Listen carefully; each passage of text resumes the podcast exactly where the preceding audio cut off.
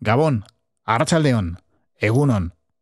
Te doy la bienvenida una semana más a Estamos Dentro, un espacio de entrevistas hogareñas que producimos desde Ulu Media para la plataforma EITV Podcast. Por los siglos de los siglos seguiremos erguidos. El capítulo de hoy comienza en el salón de mi propia casa, en Pasay Ancho.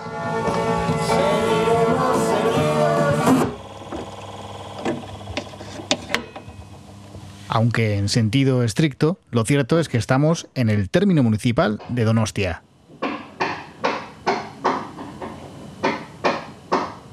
Ese ruido que escuchas de fondo es mi vecina del segundo.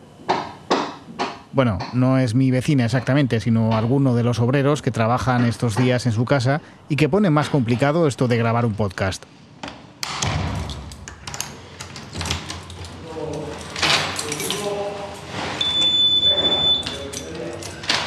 En este capítulo no cogeré autobús, coche ni tren, sino que llegaré a casa de mi anfitrión a pie, en apenas dos minutos de reloj y sin cambiar de calle.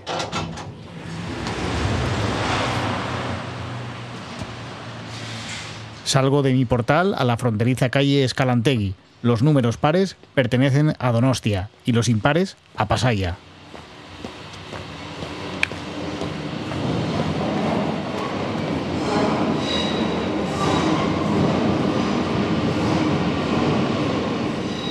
Como en el episodio 5 de Estamos Dentro, cuando entrevisté a mi amigo el guionista Fernando R., esta vez también voy a charlar con alguien a quien conozco desde hace muchos años y que se dedica al difícil y apasionante arte de hacer películas.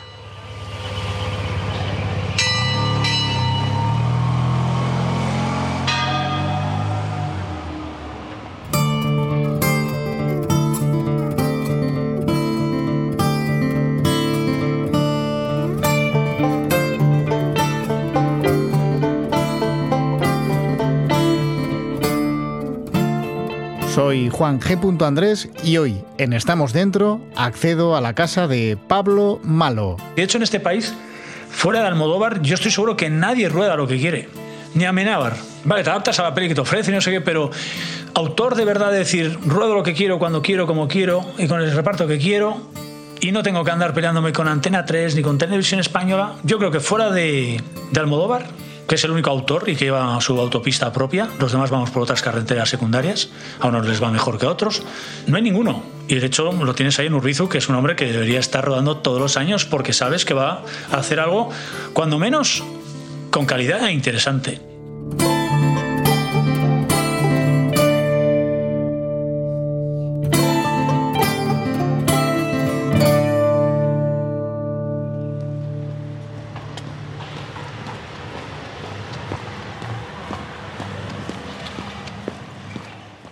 Esta introducción ha durado 3 minutos y 15 segundos, que es bastante más de lo que he tardado yo en llegar al portal de Pablo.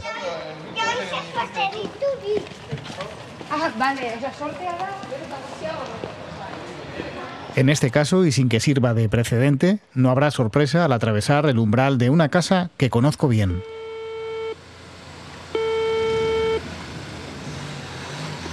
Sí. Hola Pablo. Vale, adelante.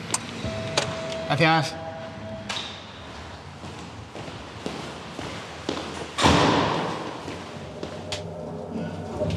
Abriendo puerta. Adelante. Vengo aquí armado. Armado y mascarillado. Eso es. ¿Qué tal? Bien. ¿Cuánto tiempo? Sí, la verdad es que sí. ¿Cuánto tiempo sin, sin pasar por aquí? Sí, sin comer pipas. ¿Estás grabando ya? Estoy grabando. Ah, estás grabando, ok. Sin comer pipas y puedes haber añadido y cervezas, ¿no? Y Sí, lo que pasa es que he querido quedar un poquito. Pues que sepas que he traído cervezas. ¿Qué dices? Eh, y, y he traído también unos, unos ganchitos de esos para comer, pero luego me he dado cuenta que no es muy radiofónico estar ahí comiendo. Ah, con el Scratch que Scratch. Pero bueno, Claro. cervezas tengo yo, ¿eh? Bueno, pues echamos. Sí, sí, sí. sí En el pasillo, como de costumbre, me reciben Pablo y los personajes de un gigantesco lienzo pintado por nuestro común amigo John Arza. Él es el autor de casi todas las obras de arte que cuelgan de las paredes del piso, junto a los carteles de las películas de mi anfitrión y los múltiples premios que ha cosechado, incluido el preciado Goya. Está todo un poco extraño, un poco raro, pero bueno, estamos acostumbrados. Esta profesión es lo que... Y bien, ¿dónde quieres que nos sentemos? Ver, Pues, elige, eh, elige sitio entre la cantidad de sitios que tenemos. Igual prefiero Bueno, la mesa. en la mesa de la- Sí, del vale. comedor porque así podemos apoyar los micros y nos ponemos Pues, eh, cara a cara y, Pues y vamos a estar mejor. ¿Aquí, te parece? Sí, ¿Tú aquí, venga. yo aquí? Eh, ¿O tú elige? sí, frente a frente. Tú mandas. Frente a frente, mejor así. Tú allí y yo aquí mismo. Vale. O bueno, como ¿Qué quieras, ¿eh? me da igual, aquí? pero No, no. uno frente del otro mejor. Voy a ir montando. Vamos a probar a ver qué tal suena. Hola. 1, 2, 3, 4, 5, 6. A ver. ¿Te abro la cerveza? Ah, pues ¿Quieres sí, cerveza? sí, así- así probamos a ver qué tal suena. ¿Y el sax este lo tienes incorporado? Bueno, pues eh, Pablo, eh, ¿cuánto tiempo sin venir por esta casa eh, en la, en la que tantas horas hemos echado eh, años atrás, Mm. cuando andábamos sin pandemias, menos ocupados, sin, fam- sin familia y estas cosas, ¿no? Sí, cuando éramos algo más jóvenes. Tampoco mucho más, pero sí, sí, éramos, éramos más jóvenes. Sí, hemos pasado muchos ratos aquí, con nuestro amigo John también. Eso es. Nuestro amigo John, que es casi, mm, podríamos considerarle el decorador de, de esta casa, o uno de los grandes decoradores de esta casa, porque está lleno de, de obras de, de arte creadas por él, ¿no? Que, que aparecen aquí expuestas casi como si fuera un, un museo. Cuadros, esculturas. Papelera. La papelera, yo tengo una, yo tengo también una Sí, papelera. tú de también ese- tienes cuadros en casa, sí. John. Y, y pero yo sí, sí. tengo y en la habitación tengo un par de ellos. Sí, sí, yo tengo la casa y ese, ese, ese perro can, ese can, El fanecán. el fanecán, el fanecán. sí, es mitad perro, mitad faneca. Es una es, escultura sí. que, si no recuerdo mal, era un trofeo. Gané un premio en Vitoria y, y me dieron el cheque con el dinero, pero no me dio un trofeo. Y el trofeo era cojonudo, porque al segundo sí daban el, el trofeo, y era un trofeo de 11 kilos. Y a mí me dio mucha envidia porque era una escultura de un, de un escultor vitoriano bastante conocido ahí y demás. Y, y dije, yo, yo no tengo escultura. Y no, no, no, solamente es para el, para segundo y tal. Dije, joder, qué putada, el cheque está muy bien, pero a veces me suelen comentar lo de los premios y no sé qué, que "Ah, joder, la vanidad de tener los premios repartidos por la casa y tal. Y sin embargo, para mí tiene que ver con, con que, joder, son momentos estupendos que uno ha pasado y son recuerdos. Y el Fanecán tenía que ver con eso. Me dijo yo, bueno, pues ya te hago yo el premio. Y ese, además, es un premio único porque solo lo tienes tú en el mundo, no como el Goya, que aparece ahí, lo tienes eh, expuesto tiene junto a la mundo, ventana, el pero Goya. el Goya tiene un montón de gente. El Goya pero el mundo no tiene nadie. El Fanecán es único y exclusivo, ahí está, y se mantiene cojonudamente. Sí, sí, sí. Oye, pues hablando de, de John, no había planeado eh, sacarlo. Bueno, sí había, sí había pensado en, en citarle porque, bueno, nos conocemos también un poco gracias a él y es el, el amigo común. Y, y alguien que igual, ahora que lo pienso, tiene mm, bastante que ver con que tú que eres de Donostia, de la parte vieja, vivas aquí, en Pasaje Sancho. Sí. Y yo también vivo en esta misma calle, Escalantegui. Eh, Sí, es y, el- y, bueno, yo creo que es un poco el culpable, ¿no? De que nos hayamos. Bueno, él, él- él es el culpable y luego también eh, el mercado inmobiliario, ¿no? De, de esta ciudad. Sí, sí, sí, yo llevo aquí ya 15 años y vine precisamente... Yo tenía además la, la oficina en Oyarzun. Cuando estaba con, con Luis Goya, teníamos primero la oficina en Lezo y luego nos pasamos a, a Mamut. Y entonces a mí me, me quedaba muy cerca. Pero sí es verdad que yo estoy todo el día en Donosti. A no ser que esté aquí en casa, escribiendo y no sé qué, lo demás estoy mucho en Donosti, pero por lo demás no, no, hago, no hago vida apenas en el pueblo. Y la única conexión que sigo teniendo con este pueblo sigue siendo John y bueno, tú que vives aquí también unos portales más, a- más allá. Pero sí, sí, John es el, es el pegamento. John es el pegamento de, de nosotros, porque sí es verdad, tú viniste más tarde a vivir a- aquí, te bajaste. Sí, un poquito más, ¿eh? Yo creo que sí, de dos, tres años. Y al final, como pasábamos muchas horas aquí eh, con él en, bueno, pues eh, los bares y. Sí, sí, yo estaba. Es que yo estaba. Hacía más vida antes en el pueblo, cuando Ya. no vivía aquí, que ahora que vivo, creo yo. Sí, ¿eh? entre una cosa y otra, bueno, había cambiado también las cosas y demás. Pero sí, sí, es verdad que y el mercado inmobiliario es imposible. Una persona, como es en mi caso, que vivo solo. Y, y demás, yo no creo que me habría podido dedicar al cine de haber tenido como tú, que tienes una niña y demás. Eh, yo cuando estoy con, con directores o incluso actores, actrices que tienen hijos, digo, joder, qué valentía, porque nuestro trabajo es muy, es muy inestable y, y cuando tienes críos tienes que aguantar la vela y estar ahí. Tú puedes comerte un día jamón de york, pero a un crío no le puede dar jamón de york. Y además luego los niños quieren estudiar carreras, quieren, quieren tener la última PlayStation, el último móvil y demás, y eso para los que nos dedicamos a esto es complicado. Entonces, bueno, nos vamos bandeando.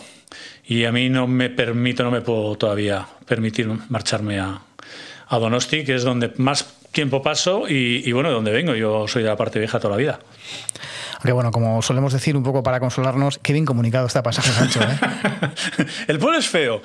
Pero qué bien llegas a Donosti, bien sea en topo, entren, tienes autobuses, una conexión estupenda. Sí, sí, nos falta aeropuerto, pero por lo demás es que no, es, no, no, Nosotros somos donostianos, porque nosotros somos de la última calle, somos, somos la frontera, nosotros somos los frontera. De, de... Yo, yo, suelo decir que somos de la periferia de la periferia. Exactamente, estamos, somos muy periféricos. es verdad, estamos aquí en tierra de nadie, porque luego a la hora de la verdad pagas impuestos en Donosti pero, pero hay una serie de, de cosas que, que tocan un poco las raíces, pero bueno, es lo que hay. Aquí estamos.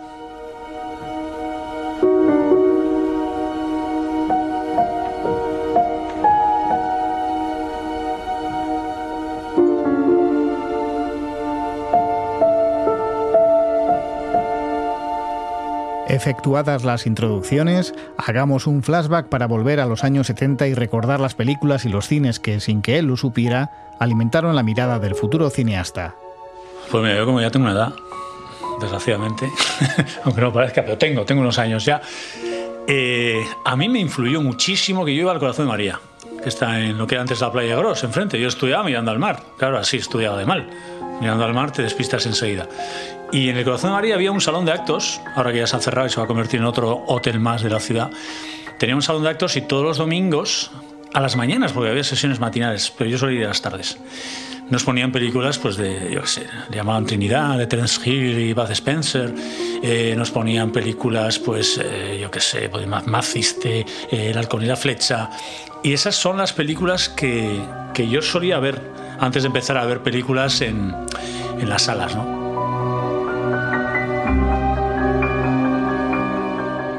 De hecho, me acuerdo que mi hermana me recomendó una película que sí la recuerdo haber visto, ya era más mayor, ya tendría unos 14 o 15 años, que recuerdo haberla visto en el Victoria Eugenia, que lo tenía cerca de casa, yo soy de la parte vieja, entonces nada, en dos minutos estaba en él. Y era al final de la escalera, mm. de Peter Medak. Y es una peli que a mí me... Bueno, a mí ya no, ya muchísimo. Sales de la iglesia, Amenábar, los otros hay muchísimo de, de al final de la escalera. Ya Belagueró creo que también la ha comentado una vez.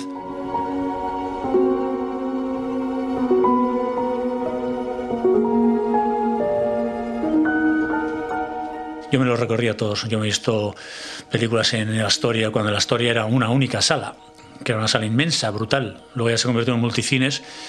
Pero yo he visto pelis ahí, he visto pelis en el Rex. Incluso había alguna película erótica en el Savoy, en el Savoy, que estaba en la calle San Francisco, creo que hay unos garajes. En el Amaya, que estaba en la calle Churruca, creo que es, al lado de la calle San Martín. Y en el pequeño casino, lo que es ahora el casino, lo del principal. En el principal también he visto alguna. Y luego en el Miramar, En Miramar vi la última película antes de que se, tirase, que se tirase el cine, porque estaba al lado de mi casa, así que está en la, la, la siguiente manzana, que era El nombre de la rosa. Creo que El nombre de la rosa es la última película que se puso en Miramar, y eso tuvo que ser pues a finales del año 86 o algo así. Yo había venido a la mili ya. This one, I grant you, did not commit suicide.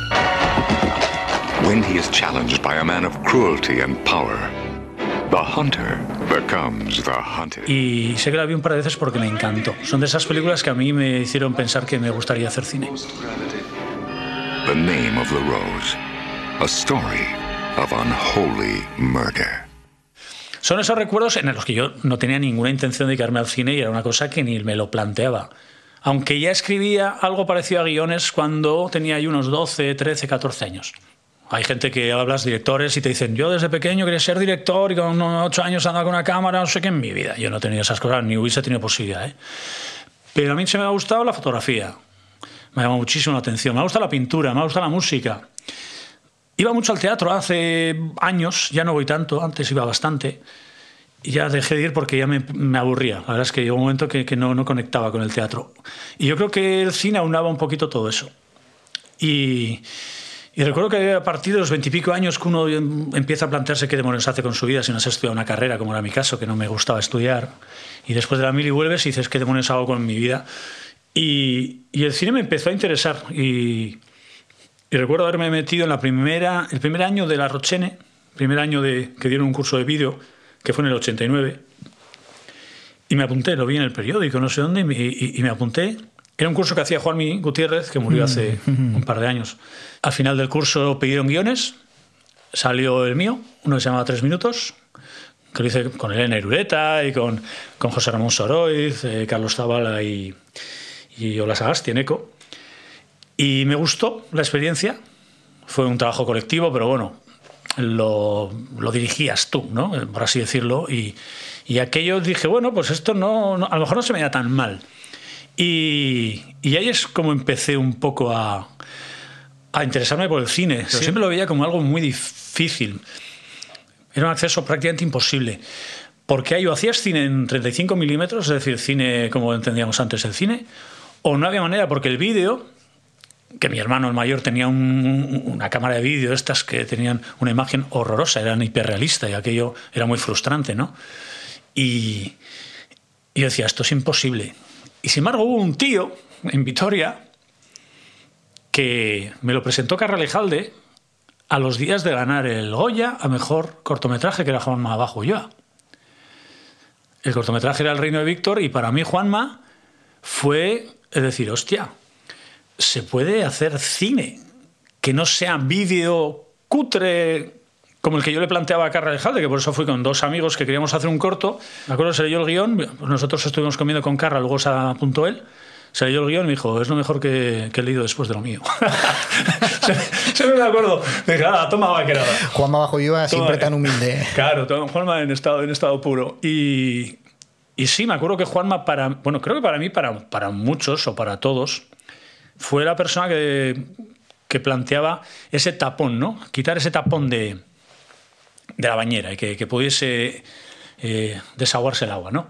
Porque hasta entonces los que hacían cine pues eran los Mario Camus, Mario Gutiérrez Aragón, Vicente Aranda, Jaime Chávarri, Gonzalo Suárez, Sí, la vieja escuela. Claro, era esa generación que lógicamente eran los que estaban ahí y para todos nosotros era ese mundo de decir, joder, esto es muy complicado. Y luego me lancé a hacer mi primer corto en cine.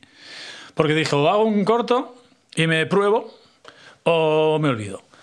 Y entonces le pedí dinero a mi padre a través de un crédito, que eran 6.000 euros de ahora, un millón de pesetas de la época, te hablo del año 94, 90, y- no, 95, 96 o por ahí sería.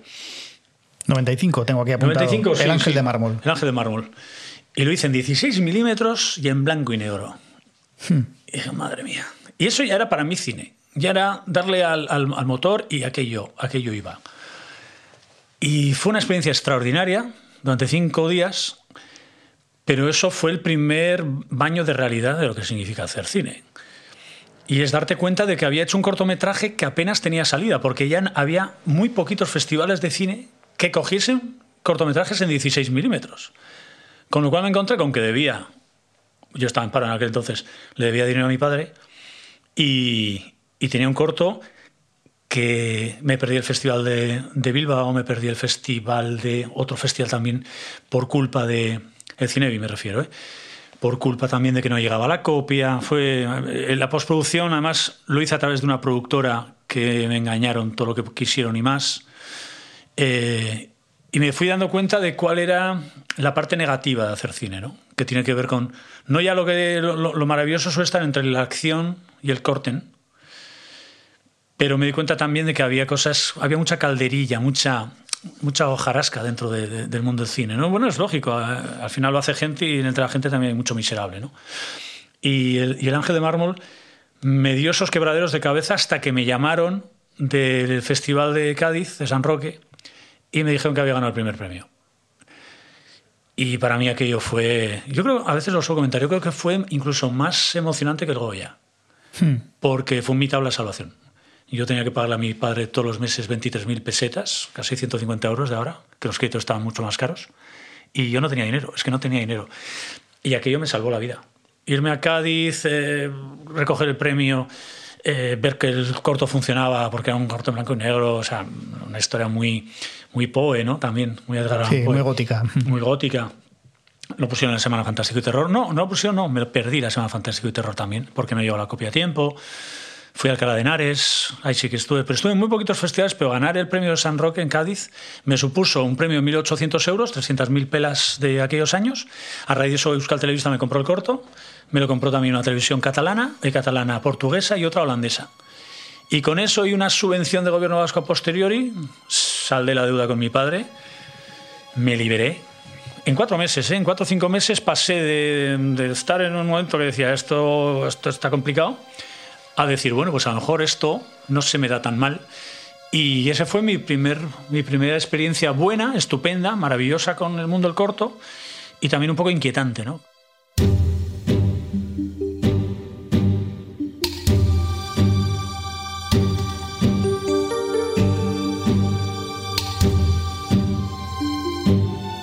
Después del Ángel de Mármol, Pablo Malo rodó Jardines Deshabitados, estrenado en el año 2000 e incluido en el programa Kimuak justo en el momento más dulce del cortometraje vasco. Además yo pillé los mejores años del cortometraje. Hmm. Todo ese mundo del cortometraje entre el 95, 97 y el 2002, 3, que yo ya es cuando rodé el primer largo, yo creo que me pillé los mejores años. Hay un montón de festivales, ya estaba Kimuak funcionando y los que entrábamos ahí conseguíamos viajar a todos los lados y que nuestras latas en negativo viajasen por dos lados, que por otra parte era carísimo. Ahora a golpe clic mandas un corto. En aquel entonces era impensable, había que mandar un VHS, que te la eligiesen, era carísimo. Sí, precisamente eh, tu segundo corto en, en, cine, Jardines Habitados, eh, formó parte del programa Kimuak, eh, que tú acabas de citar. Y hace unos días ha, ha terminado el Festival de Cine de San Sebastián y en esta última edición precisamente han reconocido el trabajo de, de Kimuak. ¿no? Y tú en un vídeo aparecías agradeciendo el, la labor de, de, la gente que ha estado detrás de, de ese programa de promoción del cortometraje y decías, es que Kimuak es eh, una de las mejores ocurrencias del cine vasco, Sí. si no la mejor. Sin lugar a dudas. Y la entrada en Kimuak era el día y la noche. De repente te encontrabas con una distribuidora que se preocupaba de hacer el trabajo más engorroso para nosotros, porque nosotros cuando haces un corto te pasas el día financiándolo, porque generalmente los que hacemos cortos nos los tenemos que financiar nosotros mismos, porque no hay apenas productoras que les interese hacer cortometrajes. Yo en las clases siempre lo suelo decir, ¿no? que el, que, más beneficiado de un cortometraje siempre es el director, porque es tu, tu tarjeta de visita, ¿no? es tu presentación de decir, bueno, yo puedo hacer esto. Entonces a lo mejor me dan la posibilidad de, de hacer algo más, ¿no? hacer un largometraje, que es lo que intentamos, creo todos, con el mundo del corto, o por lo menos haciendo cortos. Y Kimuak en ese sentido fue una ventaja espectacular para todos los Nacho Vigalondo, el Borja Coveaga, eh, Coldo Serra, pues todos los que hemos pasado por ahí, ¿no? los Asier Altuna, además, los Moriarty, todos hemos salido y hemos estado en, en. Y yo dije lo de la ocurrencia porque fue una maravilla de, de, de, ocurrencia por parte de los rebordinos y de su equipo en aquel entonces. Y a nosotros nos significó pues, pues olvidarnos de la parte más eh, peleaguda ¿no? de, toda esta historia, que es eso. Ponte a, a, a, mandar los cortometrajes, que es algo que no te interesa nada, ¿no? E, pelikula batek ematen duen sufrimentu bat orduak e, iten den lan guztia azken momentun e, bi orduko juizio batian bukatzen da. Eta gure ametsa da juizio ipastea. Pastea eta ondo pastea, claro. Es la voz del productor Luis Goya, pionero del cine vasco que jugó un papel fundamental en los inicios de Pablo en el largometraje. Él le produjo su debut, Frío Sol de Invierno, un drama de trasfondo social protagonizado por Unai Ugalde y Marisa Paredes. Y yo me acuerdo que una persona dijo, es muy buena gente, pero no es tu productor, no es el productor que tú necesitas. Y afortunadamente se equivocó, porque fue lo mejor que me ha pasado a mí en esta profesión. Conocer a Luis Goya fue lo mejor. No me ha vuelto a pasar nunca nada parecido. Conocí a una persona que era un entusiasta de su trabajo, un, un vividor en el mejor sentido de la palabra. Mm. Todas las reuniones las hacíamos comiendo, bebiendo, saliendo por ahí. Eh, nunca en oficinas ni, cosas de estas. Yo iba a sus reuniones, él venía a, las, eh, a lo que yo necesitaba, es decir, nos compaginábamos muy bien. Él tenía muy claro su, su faceta, yo tenía muy clara la mía, pero la compaginábamos. Nunca discutimos. No tengo ni un solo mal recuerdo de, de, de Frío de Invierno, porque luego la peli se estrenó, la vio el Festival de Cine. Creo que hablan con Luis de la posibilidad de ir a la sección oficial, pero a mí me daba muchísimo miedo.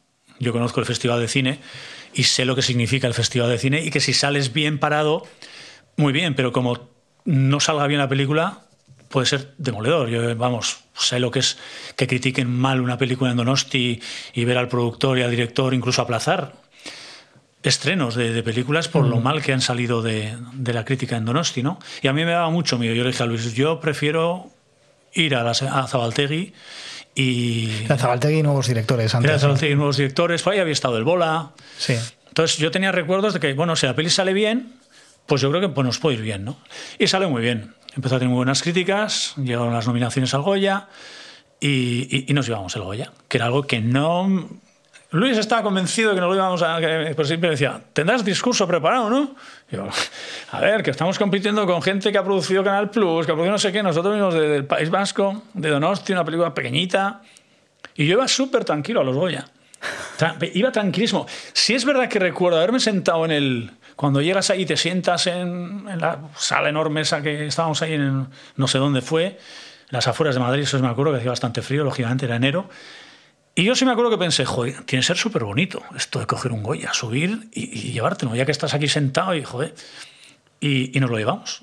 Nos llevamos el Goya y, y la verdad es que fue fue todo muy... la crítica nos trató estupendamente, no, no creo que hay ni una mala crítica, más allá una de... Creo que Begoña Alteso no, no le gustó. Y fuera de eso tengo el recuerdo siempre de que, de que la peli fue, fue una maravilla y nos dio la posibilidad enseguida de, de hacer la segunda. ¡Mira! Huele a mierda y a calle desde que tú andabas a gatas.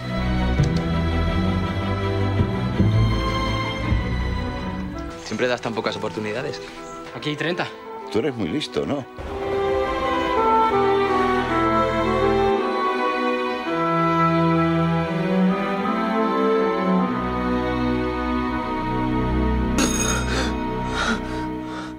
Y aunque hoy predominen los buenos recuerdos, lo cierto es que el proyecto de Frío Sol de Invierno peligró seriamente cuando en 2003 la Audiencia Nacional se cruzó en su camino y bajo la premisa del todo eseta ordenó el cierre del periódico Euskaldunon Egunkaria y la detención de varias personas, entre ellas Luis Goya. Peligró tanto como que que nosotros montábamos la película Frío Sol de Invierno en unos ordenadores que tenían los logotipos de la Guardia Civil. Porque se llevaron todo. Se llevaron todos los ordenadores, de, desmontaron completamente la oficina. Y peligró mucho porque a Luis lo detienen y, y sale bajo fianza. Luego su caso fue sobreseído, el primero de ellos, de los ocho que estaban encausados o algo así, porque Luis fue fundador, pero es que Luis ni compraba el Eguncaria. O sea, yo en la oficina de Luis no veía ni gara. O sea, no, Luis era una persona muy amante de la cultura vasca, del euskera, pero él se metía en un montón de proyectos y luego cuando ya empezaban a andar, se salía. Menos el cine, que era lo que le gustaba. Y cuando lo tuvieron, yo me llevé una sorpresa tremenda porque es que en la vida, o sea, me habría imaginado, Luis no andaba metido en nada, o sea, no tenía ningún sentido aquello, ¿no? Bueno, ni, ni, ni la gente que, Ni la gente que estaba, lo que pasa es que yo a Luis sí lo conocía, a los demás no, entonces de los demás no podía hablar, pero de, Luis sí, porque lo conocía, entonces dices, de los demás no sé qué habrá pasado, pero con Luis, pues sí, es que no... Y era lo que figuraba en las actas de la creación, no sé, de la Sí, de la fundación, la fundación del periódico. o algo así, lo detuvieron, nos desmontaron la oficina entera. Claro, tuvo que salir y empezar a irse a todos los bancos y a toda la gente, al Ministerio de Cultura, no sé qué, para decir, oye, que no pasa nada, que esto tira para adelante, que... Me acuerdo además que nos sacaron unas críticas feroces en, en el ABC y alguna cosa y, y algún otro periódico porque nos habían dado subvención en el Ministerio de Cultura. Y me acuerdo que había un titular en el ABC, claro, para mí estas cosas eran, que ponía algo así como que aunque Pablo Malo tenga más talento que no sé qué para hacer el padrino o no sé qué, no puede ser subvencionado una película hmm. de una persona que está vinculada al terrorismo, una productora, no sé qué. Yo decía, ¿qué es esto? Fue muy duro, fue muy complicado, fue muy complicado. De hecho, la primera persona que llamó Luis cuando le soltaron, por así decirlo, fue a mí. Y además me acuerdo que al día siguiente que quedamos en el Gambara, él quería darme explicaciones. Como diciéndome, para que, para que veas que, esto no tiene nada que ver con nada. O sea que. Y me acuerdo dije, Luis, que no, vamos, que no, no pasa nada. A ver si podemos tirar para adelante. Nos creó ciertos problemas, pero, pero la película salió adelante, luego se sobresiguió el caso a todos, eh, aquello se quedó en nada. Y, y tiramos para adelante con la película, pero yo sí que pensé que la peli nos hacía, porque de entrada pensé que a Luis lo iban a meter en la cárcel, porque claro, se tiró cinco días ahí donde los llevan en Madrid antes de declarar. A mí lo que más me importaba era Luis, y mis amigos siempre se acuerdan de eso, que yo decía, mira, si la peli se va al carajo, que se vaya, pero yo no quiero que a este hombre lo metan en la cárcel por algo que, que, que este hombre no... Vamos, no sé, me parece una cosa tan delirante algo que tenga que ver con un periódico vasco en euskera y demás. Yo, no hablo euskera y no leía el Guncari, pero vamos, me parecía una cosa tan absurda. Y a mí lo que me preocupaba es que a Luis se le complicase la vida. Más que la película, que hombre, era una faena, pero hombre, por encima de todo está que, que una persona pues puede acabar en la cárcel por, por, por defender un periódico o por participar de la creación de un, de un, medio de comunicación, ¿no? Me parece una cosa bastante salvaje. Él dijo que no llegaron a torturarle, aunque sí fue testigo de las, de las torturas que sufrieron otros, me parece. Sí, es que a mí cuando luego hablan de que en este país nos ha torturado, de que en este país... Yo tengo de primerísima mano lo que me contaba Luis, y Luis no mentía en eso, y Luis lo que contaba era que a él no le tocaron un pelo porque él tenía una enfermedad o él estaba, claro, deben mirar los, los expedientes médicos o algo así, porque a Luis dice que es verdad que él no le tocaron un pelo, pero que por supuesto que oía eh, los tortazos y los gritos y los comentarios y demás que hacían y, y lo que bueno, luego han ido contando la gente que fue saliendo, eh, Torre Alday, está también el... ¿Cómo se llama el director del Berría? sí, Marcelo Tamendi. Marcelo Tamendi, que es bueno, pues una persona que, que lo sufrió en primera persona, ¿no? Como lo ha contado unas cuantas veces. Pero Luis, yo sí me acuerdo de Luis que hizo un comentario. Si esto nos han hecho a nosotros, que tenemos gente, ya somos de una edad, eran todos ya mayores de 50 años, no sé qué, y de joder, cuando piden a un chaval de 18 o 20. Y se me acuerdo de aquel comentario, Luis, sí, sí. Y fue, sí, fue complicado, fue una cosa muy... ¿Sabes lo que pasa? Luego nos enteramos que a nosotros nos habían estado siguiendo durante muchísimo tiempo, nos habían... Claro, yo solía llegar yo en aquel entonces viajaba mucho con Luis. Íbamos mucho a Madrid, a Barcelona, pues, íbamos a, a, Portugal porque estábamos en la coproducción. Y parece ser que le contaron a Luis, pues se sabían que estábamos montando la película, los horarios que teníamos, dónde nos alojábamos en Madrid, dónde nos alojábamos en... Eso se lo, se lo contaron los sí. eh, guardias civiles que le estuvieron sí. con él. A Luis sabían, o sea, pues, saber, incluso Luis les estuvo diciendo cómo se financió una película, pues porque Luis hablaba con todo el mundo. Y pues, pues, pues tantas horas allí, pues, pues al final pues hablaban un poco de, de todo, ¿no? Y decía Luis, joder, yo iba a saber, no dejamos ni el coche cerrado, ni lo dejamos en un parking, porque si estábamos vigilados todo. Yo iba a saber, dejado el coche, desde, si, si lo teníamos todo el día vigilado. Y eso me acuerdo que una vez a Donosti, yo de vez en cuando me encontraba el maletero abierto. O sea, abierto, de que no estaba con la llave. Y una vez que me acuerdo que este con, este, con John, que salimos, no sé, del cine, o veníamos, yo había estado cinco o siete días en, fuera. Y joder, tenía movido el retrovisor, estaban los asientos adelantados. Y dije, hostia, ¿y esto? Y no faltaba nada, tampoco tenía nada en el coche, pero. Ya. Y lo denuncié. Fui a. Porque dije, a ver si me han metido un micro, me han, yo qué sé, pero porque. No sé, es que se notaba que había estado alguien dentro del coche. Fue un añadido a la película que fue muy desagradable por, por todo lo que supuso, ¿no? Pero bueno, al final. Luego se compensaría con lo del Goya, me imagino que. sí, sí. Las críticas buenas. Yo me acuerdo siempre lo que es la vida. ¿eh? Yo cuando volvíamos con el Goya, paramos en Aranda a comer y yo iba atrás todo el rato respondiendo a entrevistas. Me pasé todo el Madrid Donosti respondiendo por, el teléfono a, a, entrevistas. ¿no? Y hubo un momento que creo que me llamó Linares, el de TV, creo que era él, ¿eh? Y le dije a Luis, Luis, para un momentito, que no sé qué, que no oigo bien, no sé qué. Paramos en Armiñón un poquito antes en la autopista, en un arce no sé qué. Y, y, se bajó Luis con Ainara, que trabajaba con nosotros, y con el Goya a hacerse fotos ahí. Había un poco de nieve, no sé qué. Y yo vi que la Guardia Civil paraba en el otro lado y pasaban. Y yo les veía por el retrovisor, que hablaban con Luis, no sé qué. De repente le veía haciéndose a la Guardia Civil fotos con el Goya. Yo veía por el retrovisor y decía, ¿esto qué es? Mientras yo estaba hablando, me estaban haciendo una entrevista por la radio, yo miraba por el retrovisor y veía a Luis, un, un guardia civil con el Goya, no sé qué. Y, y claro, luego entró Luis y me dice, no, pues que han dicho que hacen a ustedes no pueden estar aquí. No, no, es que el chaval ha ganado un Goya esta noche. Anda, esto es un Goya, no sé qué. Y se pusieron a hacerse fotos. Vale. Y decía, lo que son las cosas. Hace un año Luis iba en un furgón de la Guardia Civil hacia allí, detenido. Y un año y pico después está haciéndose unas fotos aquí, con la Guardia Civil, con el Goya. Y dije, esto es todo muy raro. Esto, esto, esto es todo muy extraño. Pero sí, sí, tengo ese recuerdo. Tengo además la imagen por el retrovisor, la Guardia Civil, el Goya, Luis, no sé. Dice, oh, madre mía, que, que... Fue, sí, fue, fue, no sé, fue parte de todo un paquete de cosas que nos ocurrieron con aquella película. Pero bueno, salió muy bien. Salió Un frío sol de invierno, fue todo redondo. El rodaje fue muy bien. El Goya, no sé qué. Me da pena porque el Goya es como una especie de de luz que lo inunda todo, ¿no? Porque la película funcionó muy bien, se llevó muchos tiene bastantes premios, Frío Sol de Invierno pero siempre se centraliza en el Goya, que parece que es eh, la cumbre, ¿no? Una persona que se dedica a esta profesión, eh, parece que te llevas un Goya y ya, ya has cumplido, ¿no? Y esa obsesión por el Goya sí lo he visto en gente posteriormente. Esto de el Goya, el Goya. O sea, parece que siempre es como ese, ese de oro, ¿no? Que todo el mundo quiere tener por lo menos, la nominación, aunque sea una nominación, y ya tener Goya sería lo que pone. Y de hecho, la gente cuando viene a casa, que nada tenga que ver siempre la gente tira hacia, hacia Goya para hacerse la foto y demás. Y bueno. Yo lo veo alicaído, lo veo alicaído. Yo creo que cuando me lo dieron estaba más hervido.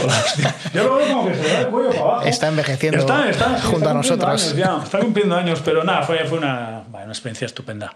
Era un espaldarazo para la productora, porque era fiarse de que, bueno, si venís con otra película, Televisión Española entró inmediatamente en la segunda, con mucho más presupuesto del que teníamos.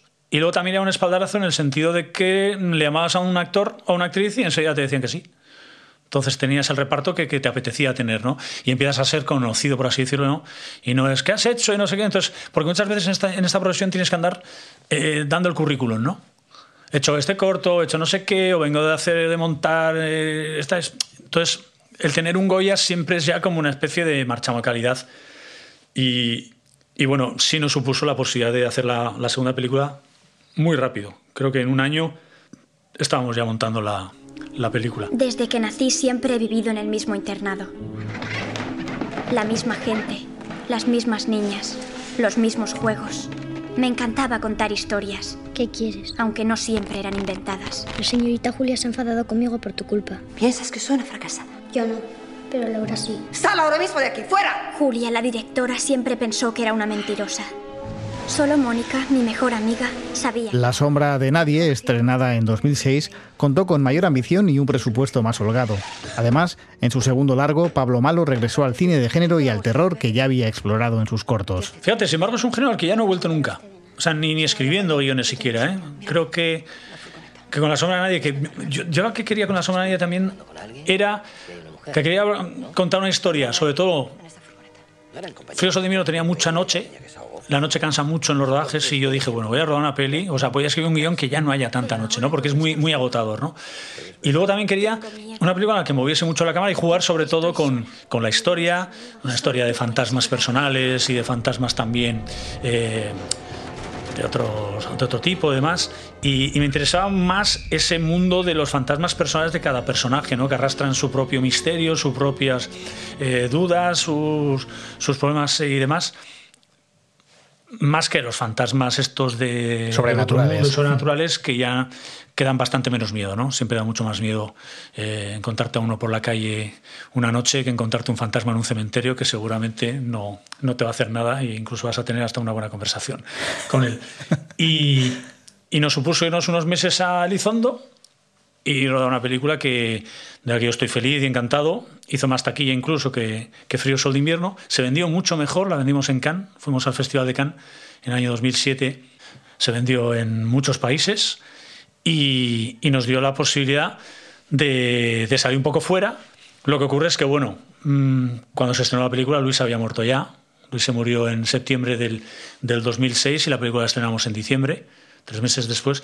Y, y, yo entonces con esa película tengo esa, esa dualidad, ¿no? De que es una película a la que estoy muy contento de, del resultado y de cómo quedó. A Luis le encantaba la película. ¿La llegó a ver terminada entonces? Sí, la llegó a ver en Barcelona una semana antes de morirse. Hicimos un pase último para nosotros, ¿eh? o sea, con, con el técnico sonido, porque montamos en, en Barcelona. Entre Madrid y Barcelona montamos. Y él la vio. La, el último pase que hicimos antes de con las mezclas ya hechas me acuerdo más la frase que dijo, esta peli está de su puta madre, yo ya necesito verla hasta el estreno. Y, y a la semana ya no nos volvimos y bueno, Luis ya se murió y entonces aquello ya para mí ya no fue lo mismo. Ya la, pro, la promoción y demás, yo le echaba mucho menos a Luis y se había muerto hacía tres meses. Entonces, eh, cada vez que veo la peli me acuerdo de él. Ese fue ese sabor amargo de decir, joder, ahora que estábamos, Luis está en su mejor momento además, y estábamos preparando la tercera peli y a Luis le empezaban a llamar para dar charlas y demás. O sea, era una cosa, Luis estaba viendo un momento estupendo y, disfrutábamos mucho. Bueno, Pablo, en, en, este espacio, en Estamos Dentro, solemos pedir a nuestros anfitriones un tema musical para que lo compartan con, con la audiencia. Y yo además sé que eres eh, bastante musiquero o fuiste musiquero en tu juventud. Sí, fui, fui más Has hablado de, un, de, viajes a Gran Bretaña, ¿no? Eh... Sí, joder, pues mira, pues mira, hablando de Gran Bretaña, me quedo con el London Calling de los Clash.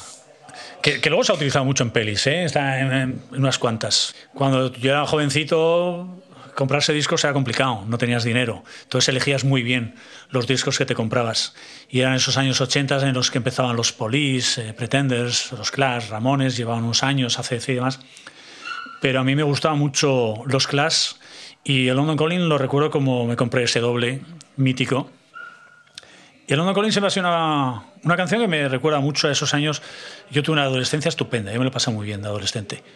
Y hay gente que ha sufrido mucho en la adolescencia, pero no es mi caso. Y, y London Calling, mira, creo que es una de esas canciones que, que elegiría como. Además, es, en los primeros compases sabes que es. La reconoces enseguida, ¿no? Y la voz de, de Stramer y demás. Así que sí, mira. Venga, pues vamos a ponerla. La escuchamos en los próximos minutos. London Calling, de los Clash. London calling to the faraway towns. Now war is declared and battle come down. London calling to the underworld. Come out of the cupboard, you boys and girls. London calling, now don't look to us. Phony Beatlemania dust. London calling, see we ain't got no swing except for the rain and the truncheon thing. The ice is coming, the sun's zooming in. Meltdown expected, the wheat is going thin. Engines stop running, but I have no fear, cause London is drowning. And I live by the river to the imitation zone. Forget it, brother, London calling to the zombies of death. Quit holding out and draw another breath. London calling, and I don't wanna shout. But while we were talking, I saw you nodding out. London calling, see we ain't got no hide, except for that one with the yellowy eyes. The ice Antes hablábamos del caso Egun Caria, que salpicó indirectamente a nuestro anfitrión, y ahora nos centramos en otro fatídico hito de la historia de nuestro país, el secuestro, las torturas y el asesinato de Lassa y Zabala, que centraron su tercer largometraje.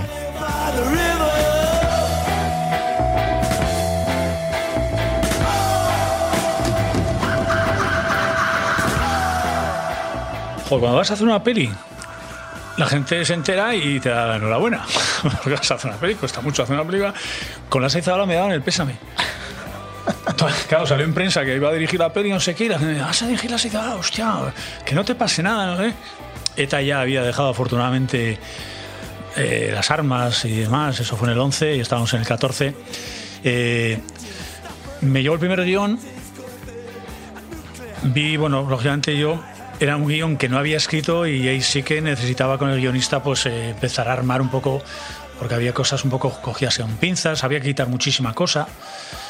Me metí con mucho respeto y con no con miedo, porque yo era un sabía que no íbamos a hacer una cosa maniquea y que tampoco íbamos a cargar las tintas en un lado o en el otro. De hecho, a mí siempre cuando me dicen lo de las torturas que, que fui un salvaje, yo he dicho es que yo he contado el 10% de lo que pasó.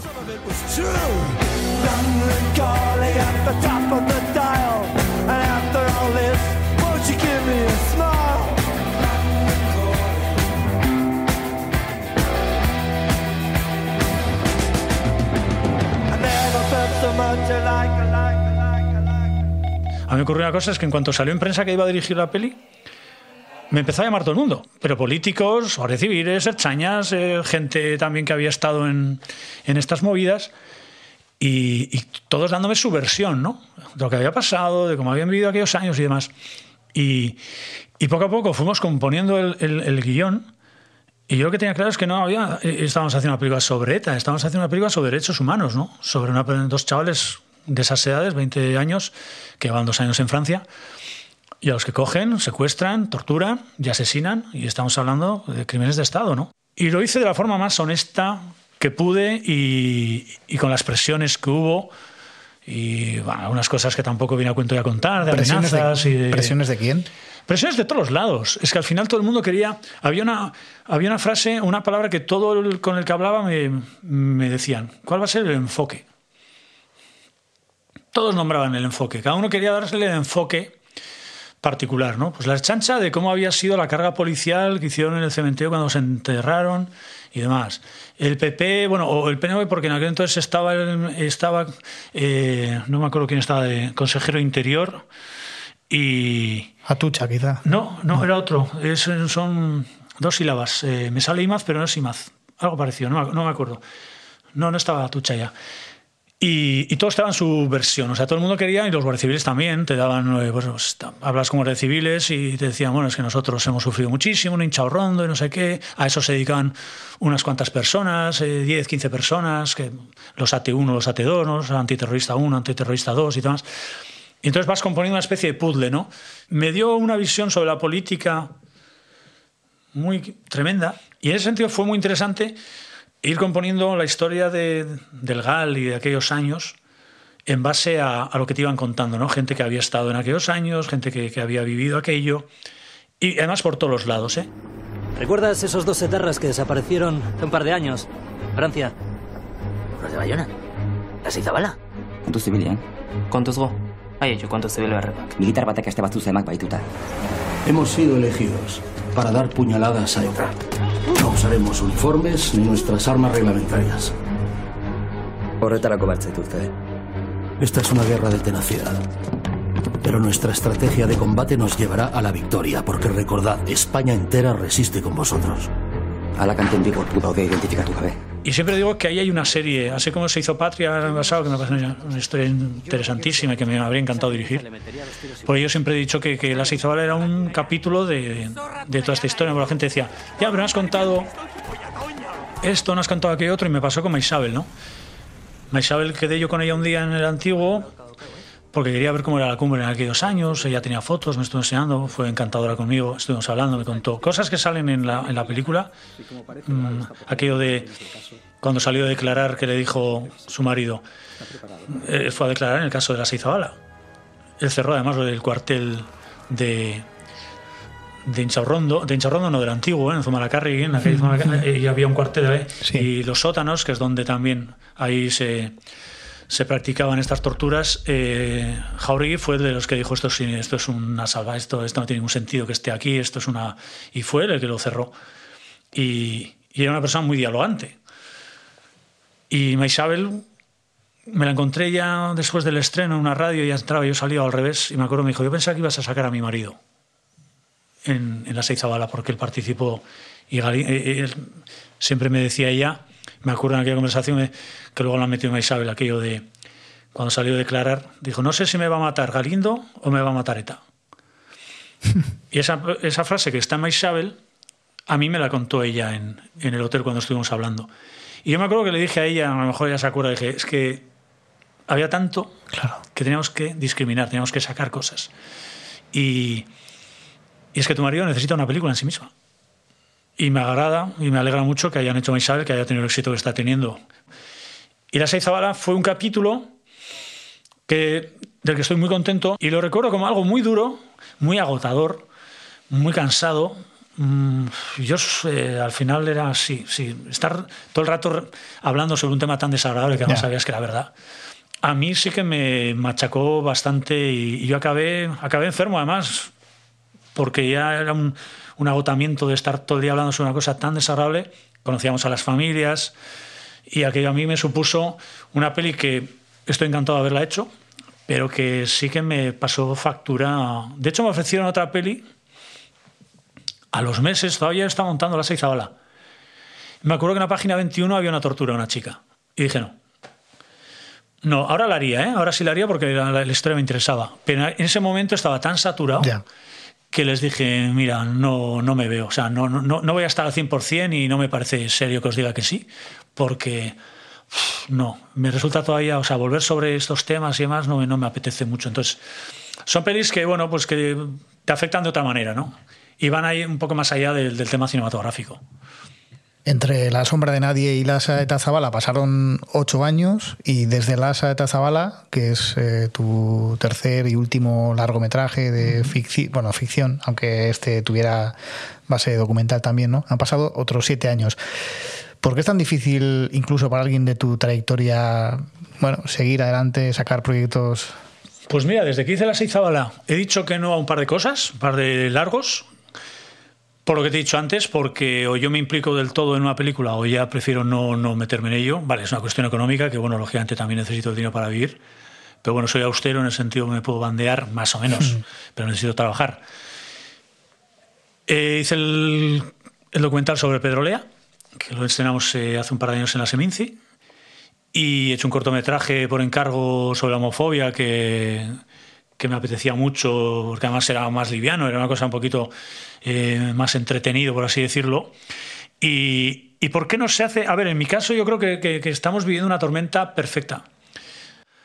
Luego la gente ha cambiado mucho, los hábitos de ir al cine. Ahora tienes una suscripción por 8 euros, que es lo que te vale una entrada de cine la gente ya, ya, no es un acontecimiento ir al cine, como era hace unos años, ¿no? en el que había colas, eh, las películas, me acuerdo hablando con Frade en, en, el documental sobre Lea, que decía, antes las películas se tiraban un año y medio en cartelera. Ahora una película está una semana, dos, y la tercera ya seguramente se empieza a tambalear, ¿no? Y, y se ha apostado por, por las taquillas de fin de semana. Lo que hacen un primer fin de semana es lo que, lo que se hace y lo demás ya empieza a declinar, ¿no? Y entonces los productores lo que van buscando son películas eh, muy comerciales. Sobre todo en este país hay que tener en cuenta que, que, el cine que se hace en España lo deciden cuatro o cinco despachos, ¿no? Y son despachos que tienen que ver con, televisiones. Lo que decide una televisión eh, es lo que se hace. Entonces, es muy difícil sacar adelante una película si no tienes el respaldo de una, una, una televisión detrás. Y no te hablo de televisiones autonómicas, ¿eh? o sea, con una autonómica tú no haces hoy día una película. A no ser que sea una película muy pequeñita, en euskera eh, o en catalán, pero que sabes que van a tener un, mercado muy cerrado. Dan de sí lo que dan de sí las películas eh, en, un idioma que no sea el, el, castellano, porque las películas dobladas tampoco tienen un, recorrido que, que les merezca a los productores, ni a los distribuidores, etcétera. Entonces, se ha juntado eso, ¿no? Que hay muy pocas eh, televisiones y ahora plataformas que se han unido y que es muy complicado sacar películas de autor, por así decir, ¿no? Las televisiones más eh, privadas, como pueden ser Telecinco, o sea, Mediaset y A3 Media, van buscando comedias, básicamente. Y Televisión Española suele tener un embudo brutal de, de, proyectos.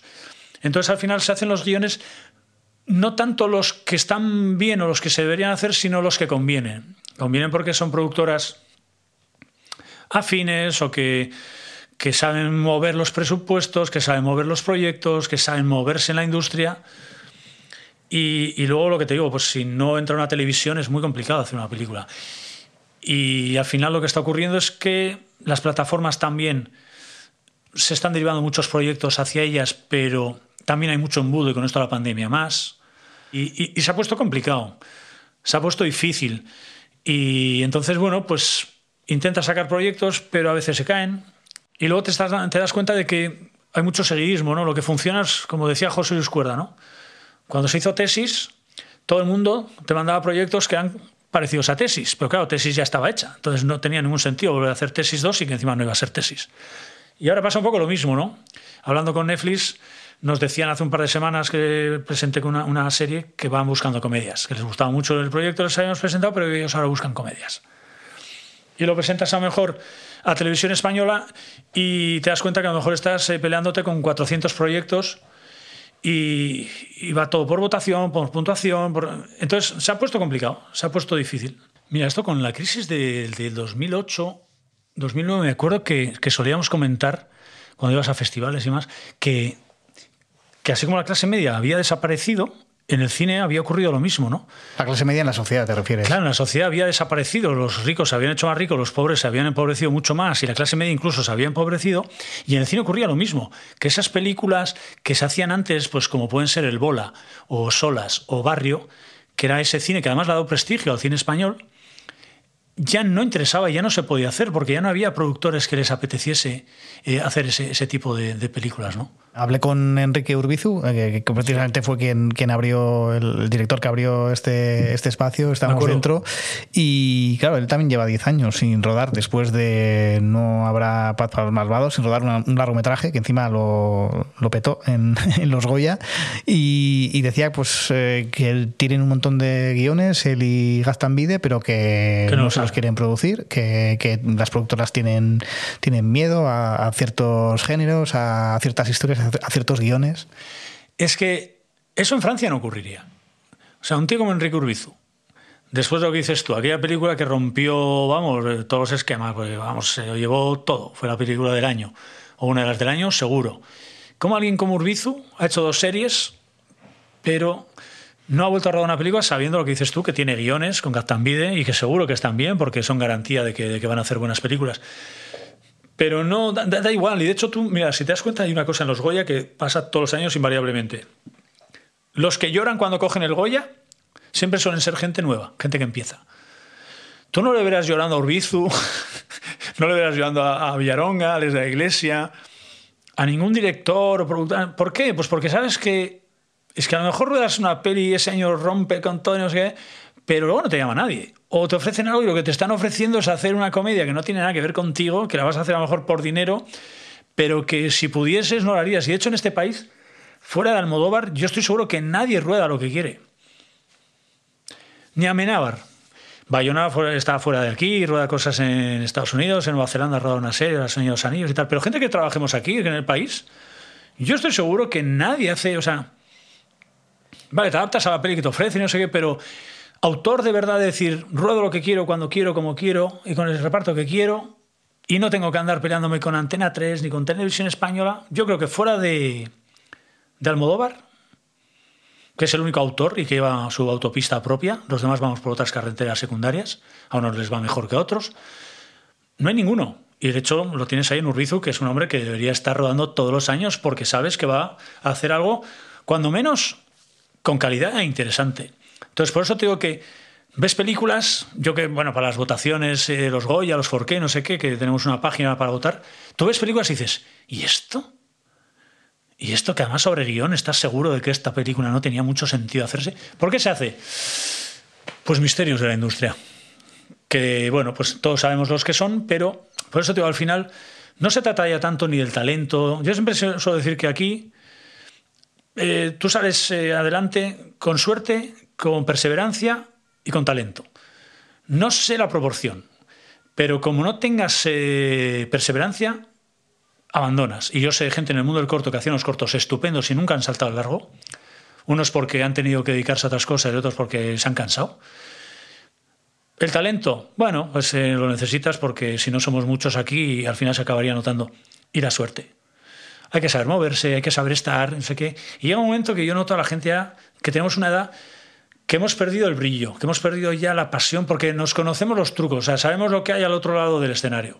Y sabemos que no depende tanto sacar adelante una peli, que tengas un buen guion, sino que estés en el momento adecuado, con el productor adecuado, en la convocatoria de las televisiones adecuadas.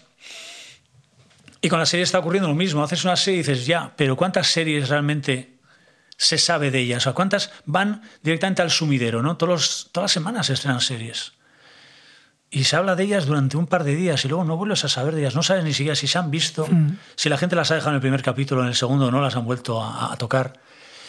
Y a no ser que tengas la suerte de ser un antidisturbios o patria, o este año la de Maricón Perdido y, y no sé si hay alguna otra más, las demás se van todas por el sumidero. La gente ya no hay ya no hay tiempo para pensar en nada, ya no hay tiempo ni para reflexionar sobre una peli, hmm. ni para quedarte con... No, es, es tal la vorágine y es tal el, eso, el, el embudo de series y la, el más madera, ¿no? Tú entonces no lo ves como una oportunidad. Dirigiste algunos episodios de Hispania hace ya unos años, ¿no? Sí, bueno, y en aquel entonces... Todavía no había llegado el boom de las nada, series. Nada, claro. nada, eran series de 13 capítulos, los, los directores íbamos de dos en dos capítulos rodando, teníamos audiencias de 4 millones y medio eso te hablo del año 2011, eso no ha vuelto a ocurrir. Ahora ya no hay series de 13 capítulos, ni eran series que duraban 70 minutos, ahora eso es impensable, duran 50, lógicamente. Pero no tiene nada que ver, es decir, eh, yo creo que muchas de las series se hacen pues porque ahora eso da trabajo a la industria, pero lo que no da es visibilidad, porque a la hora de la verdad te das cuenta de es lo que te digo, se hacen montones de series, pero yo ahora te podría nombrar 5 o 7 series que a lo mejor ni has oído hablar de ellas. Y se han hecho el año pasado. Estamos todos en un momento muy extraño en el que no sabes lo que va a funcionar, lo que no. Todos estamos yendo a por lo mismo. O sea, ahora son serios. Ahora se ha puesto, igual que hace años se pusieron de moda las TV movies, todo el mundo hacía una TV movie, pues ahora se han puesto de moda las series. ¿Cuánto va a durar? No lo sé, pero sí es verdad que se hacen muchas, pero los resultados al final te das cuenta de que no se cuenta, no, no, no, no es cine. En muchas de las ocasiones nos estamos engañando. No, no tiene que ver. Tú cuando cuentas, en una película, tú cuentas las cosas de otra forma. En una serie, cuentas la historia en imágenes, pero no precisamente las cuentas en, en planos cinematográficos, ¿no? Quieres que la historia vaya avanzando, pero si eso te diese la posibilidad de hacerlo en cine, lo, le darías otro tratamiento. Tendrías más semanas para rodarlo, tendrías otro ritmo. Y sin embargo, yo me acuerdo cuando rodabas decías, eh, no vas a hacer el plano para contar, no, no, no, esto lo va a ver todo el mundo mientras está comiendo unos chetos en su salón y se le va a caer uno al suelo y cuando recupere la vista eh, se tiene que estar enterando de lo que has contado. Déjate el plano para otro momento. Y eso da un poco de pena. Y al final se, se despersonaliza porque tú ves una serie y ni siquiera se habla de los directores. Se habla de los showrunners, que son los que están preparándolas, pero, pero de los directores no se habla. Yo me pongo a buscar a los directores porque quiero saber quién lo ha hecho. Pero a la Sí, gente le da en, igual. en Patria, por ejemplo, se habla de. Claro, Aitor Gabilondo. Gabilondo montó la, y se le ocurrió, pero los dos directores, Vizcarretti y Pedraza, creo que se ha pillado el otro chico, ni siquiera vinieron al Festival de Cine a presentar la serie. Y dices, coño, los que dirigimos sabemos lo que significa dirigir una película. Es muy chocante que, que, que los directores no estén ahí, ¿no? Dices, hostia, ahí es donde te das cuenta de que realmente al final el director pasa a ser una pieza más del engranaje. Esto es muy jerárquico, pero hombre, tendría que tener otra visibilidad, ¿no? Vale, Amenábar con la fortuna tiene su visibilidad porque es Amenábar, eh, Rui eh, Sorogoyen con, con Antidisturbios porque era una historia también muy personal y demás, pero la mayoría de los directores que hacen series se diluyen en- en- entre todo el equipo porque tampoco importa tanto. Al final no, no vas a distinguir un plano de, de un director a otro, ¿no? Porque Sí. Además te piden que igual es todo. Y hablamos del showrunner, pero es que a veces es eh, ni siquiera el showrunner, es una serie de Netflix o una serie de HBO, ¿no? Claro, la, marca, cual- la marca es la plataforma. Y da igual, y dices, es que al final los directores han pasado ya a ser parte de, y dices, bueno, yo sí quiero ver la última película de, yo qué sé, pues eso, Ales de la Iglesia, o de Urbizu, que hablábamos antes, ¿no? Y de repente, estas plataformas lo que han dicho es darme contenido, pero va todo englobado en una marca y lo demás me da un poquito igual, ¿no? Y yo creo que eso es, alimentar un poco ficticiamente la industria, porque sí estás dando trabajo, pero a la hora de la verdad, nada destaca sobre nada, ¿no? La prensa, muchas veces tú te pones a, a buscar algo que ver y si no es por recomendación, puedes estar media hora y al final no ves nada, porque es que no sabes qué ver, porque no te suena nada, nada y dices, luego Netflix te recomienda algo eh, pues con, con los algoritmos dices, pues el que ha hecho el algoritmo estaba borracho, porque vamos, esta sinopsis que estoy viendo no tiene nada que ver con lo que acabo de ver una serie y me está recomendando tres o cuatro que, que- que no me están interesando la sinopsis, absolutamente nada. ¿no? Entonces, no sé, vivimos un momento muy, muy extraño, ¿no? Luego no sabemos si la gente va a volver al cine o no, porque la gente también se ha habituado a... Antes era la piratería y ahora pues dices, hostia, es que por 8 euros no voy a ver una peli, a no sé que me interese una barbaridad, ver Dune, pues a lo mejor me hago un Netflix 8 euros y pico y tengo un mes para ver series o, o películas, aunque luego al final no veas nada, ¿no? Porque no sabes muy bien qué elegir. Y Pablo, ¿qué hace para sobrevivir o para salir adelante eh, un director que quiere hacer películas, que quiere eh, hacer cine y que no tiene la oportunidad de dirigir tanto como quisiera, ¿no? Mira, yo me acuerdo que eso se lo pregunté a Moncho Armendariz. Cuando yo hacía entrevistas en el Festival de Cine, te habló, pues, él presentaba las cartas de Alú, me parece. Y yo me acuerdo que le hice esa misma pregunta a, a este hombre, a Moncho Armendariz, porque yo ya en aquel entonces quería, fantaseaba con la idea de hacer cine, ¿no? Y decía, y es que vive un director si no hace una peli todos los años, o cada tres o cuatro años, ¿no?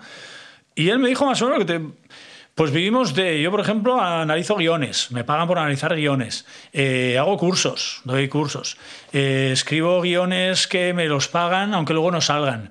Eh, y luego tú te, cuando trabajamos ganamos bien, pero luego ese dinero lo tienes que dosificar. Si yo ganase todos los años lo que hago por una peli y todos los años rodase una peli o una serie, pues viviría muy bien. Por encima de eso, no tengo responsabilidades más allá de mí mismo, ¿no? Pero entonces, como ganas bien, pero luego no sabes cuándo vas a volver a trabajar, tienes que dosificarte. Entonces, en eso vivimos, en esa dosificación en la que, bueno, pues, pues te llevan, pues eso, análisis de guion, o das cursos, o te pagan un guion aunque luego no salga, o bueno, sale una ayuda y te llegan por, por escritura, etcétera. Entonces, bueno, nos vamos bandeando. Y, y así, así funcionamos. Entonces, eh, estamos siempre esperando a que nos den otra oportunidad o que, bueno, que pueda salir otra, otra peli. Lo que pasa es que sí es verdad que cada vez se ha puesto más No sé la palabra es raro, pero sí es algo parecido. Y con este panorama tan eh, extraño ¿no? que nos estás pintando, eh, no sé qué le recomendarías a, o qué le recomiendas a tus eh, alumnos de La Rochene, ¿no? que curiosamente empezaste allí como alumno y ahora llevas ya unos cuantos años de profesor. ¿no? Cuando alguien te, te, te pide el clásico consejo de quiero hacer películas, hoy en día, ¿qué le dices? Y siempre suelo decir lo mismo, porque es que si realmente tienes pasión por esto y te apetece, pues tienes que insistir tienes que saber que es una profesión muy complicada cada vez más, pero yo sí que es verdad que antes, hace como 10, 15 años, cuando daba charlas de estas, pues a veces era un baño en realidad, les daba una visión un poco pesimista, decía, bueno, esto sale, pero bueno, a lo mejor no sale, y es que es verdad, la gente que hacíamos cortometrajes, hemos salido unos cuantos, pero yo me acuerdo de eso, lo que decía antes, había un montón de gente con unos cortos estupendos que se han quedado ahí.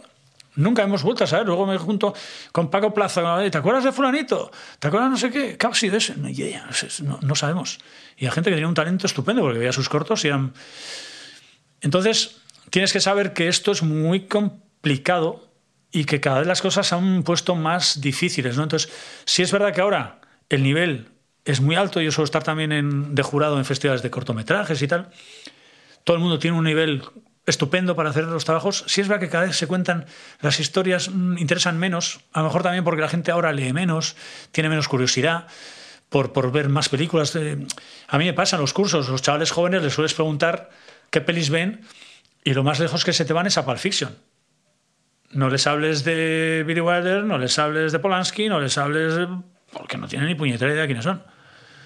Ahora como está todo al alcance, sí pues es como tener música, ¿no? Tengo 3.000 canciones y me oigo siempre las 4, 5, 10, 15 o 20, ¿no? Las demás, bueno, están ahí. Entonces no lo sé. Sí que intento darles un baño de realidad en cierto modo, pero no soy agorero. Y sobre todo porque... Que no escuchen este podcast. Claro, pero... Sí, lo que pasa es que... ¿Sabes lo que ocurre? Que, que yo cuando doy los cursos, lo que hago es decirles, mira, a mí me gustaría haber ido a este curso en el sentido de que a mí me están aquí contando cosas que yo he tenido que aprenderlas a, base de gastarme dinero, a base de cerrarme muchas puertas, a base de que me hayan dado mucho en el morro. Y me habría gustado que me hubiesen contado algunas cosas de estas antes de empezar. No por no dejar de hacer cosas, ¿eh? sino porque, bueno, mira, mejor no hagas nunca un cortometraje con tu dinero, porque seguro que vas a palmar. Que a lo mejor no, pero intenta por lo menos buscarte subvenciones, saber lo que es producir un cortometraje, etcétera, etcétera. Entonces, les intento eh, decir que esto es un mundo apasionante cuando trabajas, cuando haces una película, yo es el mejor trabajo que conozco, pero que sí es verdad que hay un antes y un después en el sentido de producir películas o, ir visitando despachos, que suele ser un trabajo bastante más eh, ingrato, ¿no? Pero por supuesto, o sea, yo lo recomiendo porque la satisfacción de ver una película tuya en una pantalla grande, con, yo qué sé, en la seis hablan 1.800 personas viendo un trabajo que has hecho tú y viviéndolo como lo se vive y que, que, te salga bien, ¿no? Yo no conozco algo parecido. O sea, no, para mí es un trabajo impagable. No, o sea, si yo tuviese un sueldo todos los meses para vivir, yo trabajaría gratis. En el sentido que si yo tengo asegurado mi mes siguiente, yo haría las películas sin cobrar. Y de hecho, yo siempre lo digo, el contrato de Hispania en Antena 3, yo lo firmé sin saber que iba a ganar porque quería hacer una serie, quería saber de qué iba a hacer una serie para Antena 3, para... no me daban la oportunidad aquí en el País Vasco de hacer series o de trabajar para TV y demás. Me llaman de Antena 3 y dije, pues, pues, y firmé sin saber lo que iba a ganar. Me, enteré de lo que iba a ganar en, aquella serie cuando me devolvieron el contrato firmado. Porque aunque me hubiesen dicho, ¿lo vas a hacer gratis? Habría dicho sí, porque quiero saber de qué va a hacer una serie más sobre romanos y, con batallas y, romanos contra hispanos, una, una de romanos fíjate, iba a hacer una de romanos si no es en una serie estas que tenían presupuestos de 600 o 700 mil euros por capítulo, ¿no? Y lo tenías todo, pedías 14 caballos y te los daban. Y pedías 100 figurantes para, para la pelea y te lo daban. Entonces, yo era una maravilla. Entonces, a mí me pusiesen un sueldo, si fuese funcionario del cine. Eso es, estaba pensando en eso, en funcionario del cine. Si fuésemos funcionarios del cine y dijesen, mira, todos los que tenéis X premios, X películas, X Goyas, X no sé qué, tenéis un sueldito. Yo trabajaría gratis, sin ningún problema. No tengo ninguna aspiración de tener una casa mejor. Y, esta casa le echo menos un balcón. Pero fuera de eso no, no, tengo esa aspiración. Y además si uno piensa meterse en esta profesión para hacerse rico, es que no tiene ni idea de, dónde se está metiendo. Muy bien, Pablo, pues eh, muchas gracias por recibirnos en tu casa, gracias por la charla, por las cervezas. Te deseamos lo mejor en los años venideros, que podamos ver pronto más trabajos tuyos en, pantalla grande y, y bueno, pues eh, a seguir bien. Ha sido un placer. Yo como Urbizu y Lazamide tengo unos guiones más majos. Pero que, bueno, pues seguramente se quedarán, se quedarán ahí como se han quedado cientos de, de guiones por ahí dando vueltas, ¿no? Pero bueno, oye, ha sido un placer, ¿eh? Y, me- y- y no sé si me ha alargado mucho y si, no sé, a lo mejor me... Pero bueno, Bueno, esto, es como la magia del cine, aquí también la magia del podcast eh, es, es. eh, pues, eh, consiste también en editar y hacer un trabajo un poco de selección de las cosas más interesantes que has dicho y nos va a costar porque, porque la charla ha estado francamente bien. Bueno, pues siento que tengas que editar mucho. Pero ese trabajo ahora es tuyo. Venga, Pablo, gracias. Un abrazo. ¿En casa? A ver, en casa... Luego hace Sí, hace de so- del sofá a la cama y de la cama al sofá con el móvil. Es lo que me está perdiendo es eso. La charla se ha prolongado más de la cuenta y ya ha anochecido en ancho.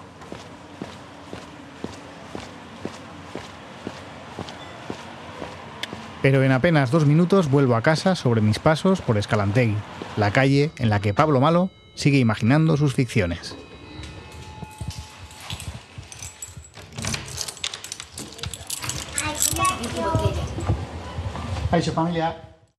Y así termina este episodio de Estamos Dentro Espacio, que todos los viernes estrena una nueva entrega. Igual que lo hace nuestro podcast siamés, Barruan Gaude, conducido por mi amigo y compañero Oyer Aranzábal. Si te ha gustado o al menos interesado, suscríbete y comparte tus impresiones en nuestras redes sociales. La semana que viene volvemos a escucharnos. Hasta entonces, cuídate mucho.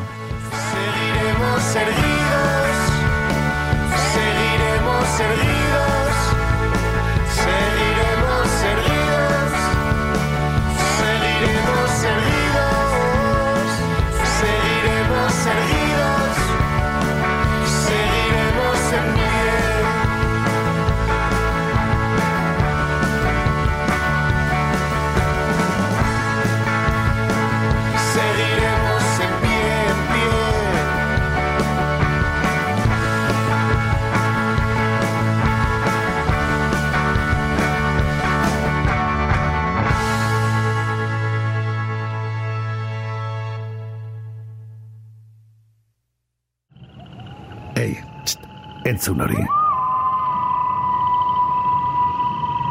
Ulu Media.